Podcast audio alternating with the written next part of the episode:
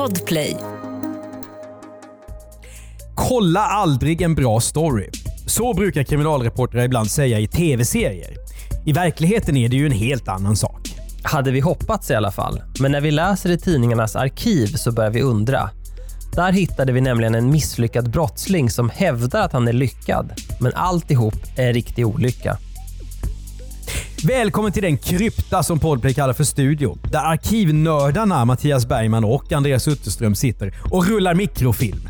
Och det här med att rulla mikrofilm Andreas, det har vi ju gjort mer än en gång. Det har vi verkligen gjort i eh, Kungliga bibliotekets arkiv och det kan man behöva göra även om det handlar om ett kortavsnitt som ju faktiskt det här är. Och vad är då ett kortavsnitt Mattias? Ja, det här är ju ett litet snabbcase av misslyckade brott som vi bjuder våra lyssnare på mellan de vanliga normallånga avsnitten som numera ligger på podcastplattformen Podplay. Och Då kan man lyssna på de vanliga lite längre avsnitten som sagt på podplay.se eller ladda ner appen Podplay.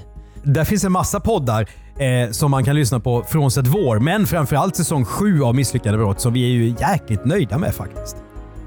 Men låt oss nu åka tillbaka i tiden till Karlstad, residensstaden i Värmland.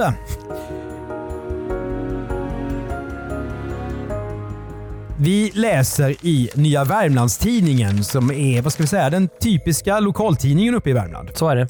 April 1984 så skriver eh, en reporter i Nya Värmlandstidningen en halvsida. Det är ganska mycket på den tiden. Broadsheet, alltså storformat så att säga.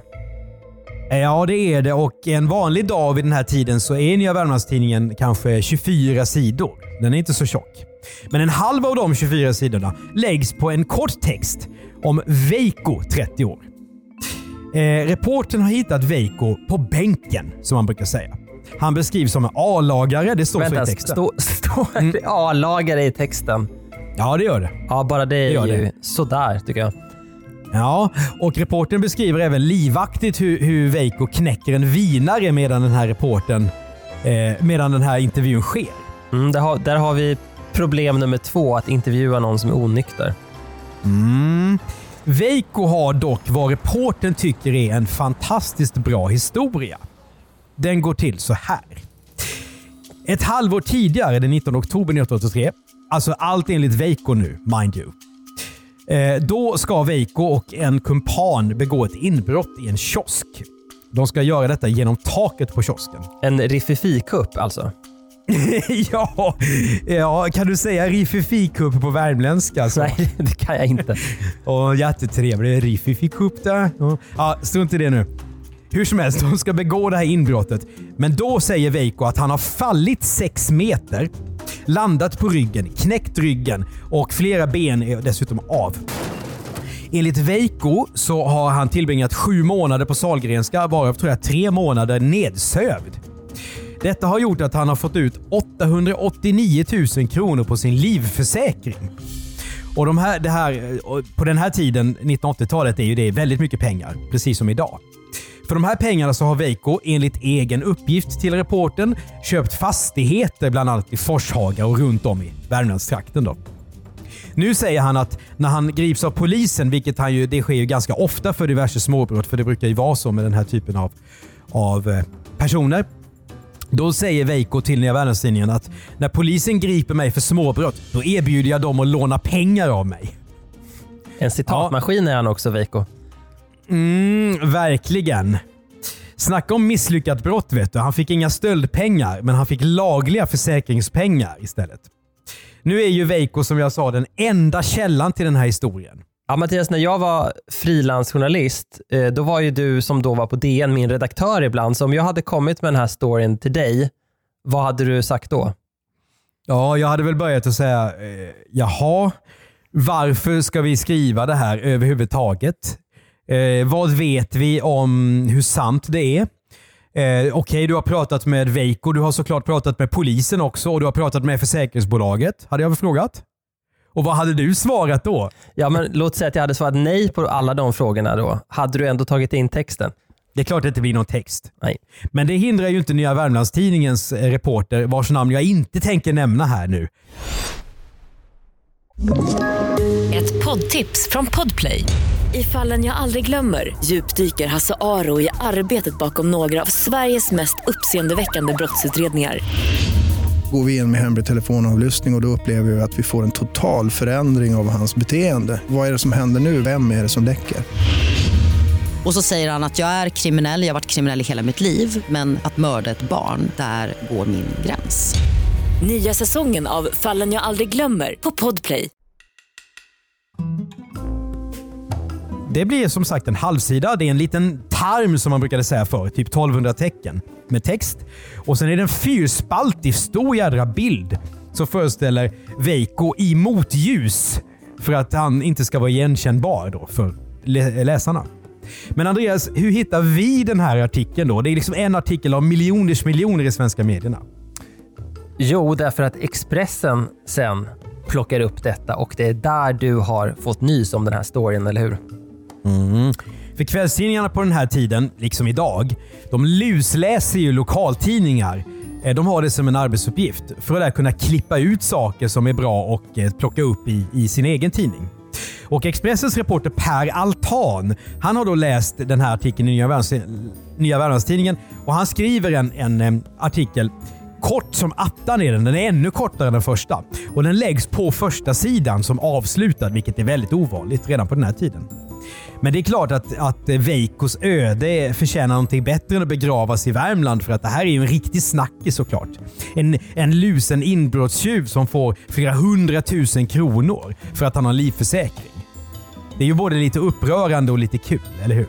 Ja, det är en klassisk eh, kvällstidningsstory. Ja. Men det här misslyckade brottet, det jäckar kan jag säga. För att eh, det ser man när man bläddrar vidare ner på Kungliga biblioteket, vilket jag har gjort och det är de här mikrofilmerna. Den 8 maj 1984 då tvingas Expressen göra en uppföljning. Och du vet ju vad det betyder när jag säger att man tvingas följa upp någonting.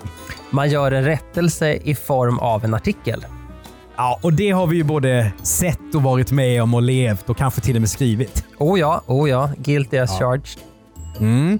Expressen skriver alltså en artikel till om Veiko för att de behöver då föra in lite ny information som har kommit här emellan. Och den här artikeln, eh, var publicerar man en sån här, eh, en sån här liksom förklädd rättelse någonstans? Ja, den gömmer man inne i tidningen, kanske på sidan 26. Ja, den var, låg lite längre fram, men den är i formen av en slags notis i botten. Långt, långt ifrån den första sida som det var första gången. Och Då är det nämligen så att eh, försäkringsbolaget Skandia har hört av sig. Eh, och det, Veiko har ju sagt att han har sin livförsäkring i det bolaget. Men Skandia säger att nej, Veiko har inget konto här. Vi har inte betalat ut ett öre till honom. Så att eh, Expressen är tvungna att punktera hela eh, den här historien. Och Här skulle man då kunna tro att vårt kortavsnitt av misslyckade brott faller platt. Men ett misslyckat brott kan vi faktiskt berätta om i alla fall. I alla, ja, om vi kan tro att eh, polisen berättar sanningen för Expressen så är det i alla fall så här att Veiko brukar ju ibland snatta. Han är den typen av Eh, personer person i Värmland som ofta grips för snatteri. Eh, det är väl liksom bortom usual suspect det här Andreas. Du vet väl själv hur det är med de här lokala eh, kriminalkändisarna. Så att eh, när Veiko har snattat vid ett tillfälle så eh, det är då för tusende gången ett misslyckat brott. Då förhörs han av polisen och då ska de kolla vad Veiko uppger för inkomst för att det ligger till grund för dagsböter som Veiko antagligen kommer att drömmas, dömas till. Veiko säger då till polisen att hans inkomst var 673 888 kronor. Höginkomsttagare alltså? Ja, alltså hur många 1984 i Karlstad tjänar så mycket? Det kanske är tre pers. Men Veiko säger att han är en av dem. I själva verket så har Veiko sjukpension på 3200 kronor i månaden. Men eh, det är ju otroligt att, att han då slå krokben för sig själv. Inte bara genom att då begå ett misslyckat snatteri, men sen dessutom skaffa till sig en misslyckad dom genom att riskera att få dagsböter på mycket, mycket högre än vad han skulle ha om han hade sagt rätt lön. Vilken story. Men vad kan vi då avslutningsvis lära oss av det här, Andreas? Ja, men det är väl att om ditt straff, alltså dagsböterna, hänger på din inkomst så ska man ju inte ljuga upp den i överkant. Då lägger man ju verkligen krokben för sig själv. Det var väl tur för Veiko att han kanske inte direkt utstrålar att vara någon slags lokal rikeman. Och sen finns det väl någon slags sensmoral också Mattias när det gäller eh, kriminaljournalistik. Jag vet inte, hur, hur ska man sammanfatta den? Skriv sanna saker, ha ofta med fler källor och lita inte på vad eh, uppenbart berusade personer berättar. Intervjua inte folk på parkbänk som dricker vin. Det är väl en bra bevis när man är reporter. Det kanske borde skrivas in i de här yrkesetiska reglerna som vårt yrke omfattas av. Bra idé. Det här var ett kort och förhoppningsvis bra avsnitt av Misslyckade brott. Men i säsong 7 av Misslyckade brott som läggs ut på poddplattformen Pl- eh, Podplay så kan man ju höra eh, lite längre normalavsnitt av podden. Och eh, Ett som vi vill lyfta fram just nu, det handlar om kyrkan, Andreas. Ja, och en stöld där gärningsmännen planerar hyfsat men, och lyckas ta sig därifrån också, men sen får motorstopp på sjön. När man flyr med stulna skatter så gäller det att ligga lågt. Det går dessvärre sådär för Jerker och Stefan. För ute på Mälarens sommarvackra vatten får de nu problem med flyktbåten. Turligt nog så blir de sedda av en man som hjälper till att boxera dem i hela 45 minuter.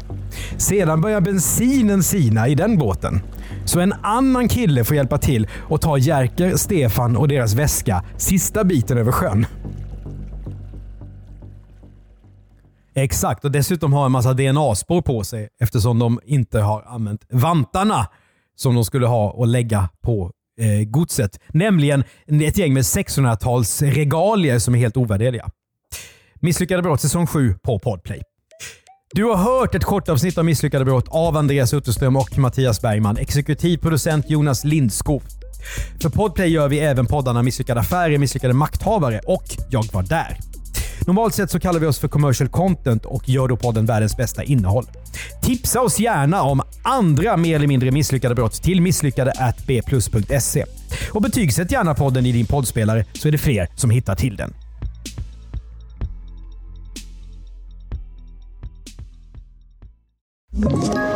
Ett poddtips från Podplay. I podden Något Kaiko garanterar östgötarna Brutti och jag, Davva, dig en stor dos skratt. Där följer jag pladask för köttätandet igen. Man är lite som en jävla vampyr. Man har fått lite blodsmak och då måste man ha mer. Udda spaningar, fängslande anekdoter och en och annan arg rant. Jag måste ha mitt kaffe på morgonen för annars är jag ingen trevlig människa. Då är du ingen trevlig människa, punkt. Något kajko, hör du på Podplay. Därför är gardinerna.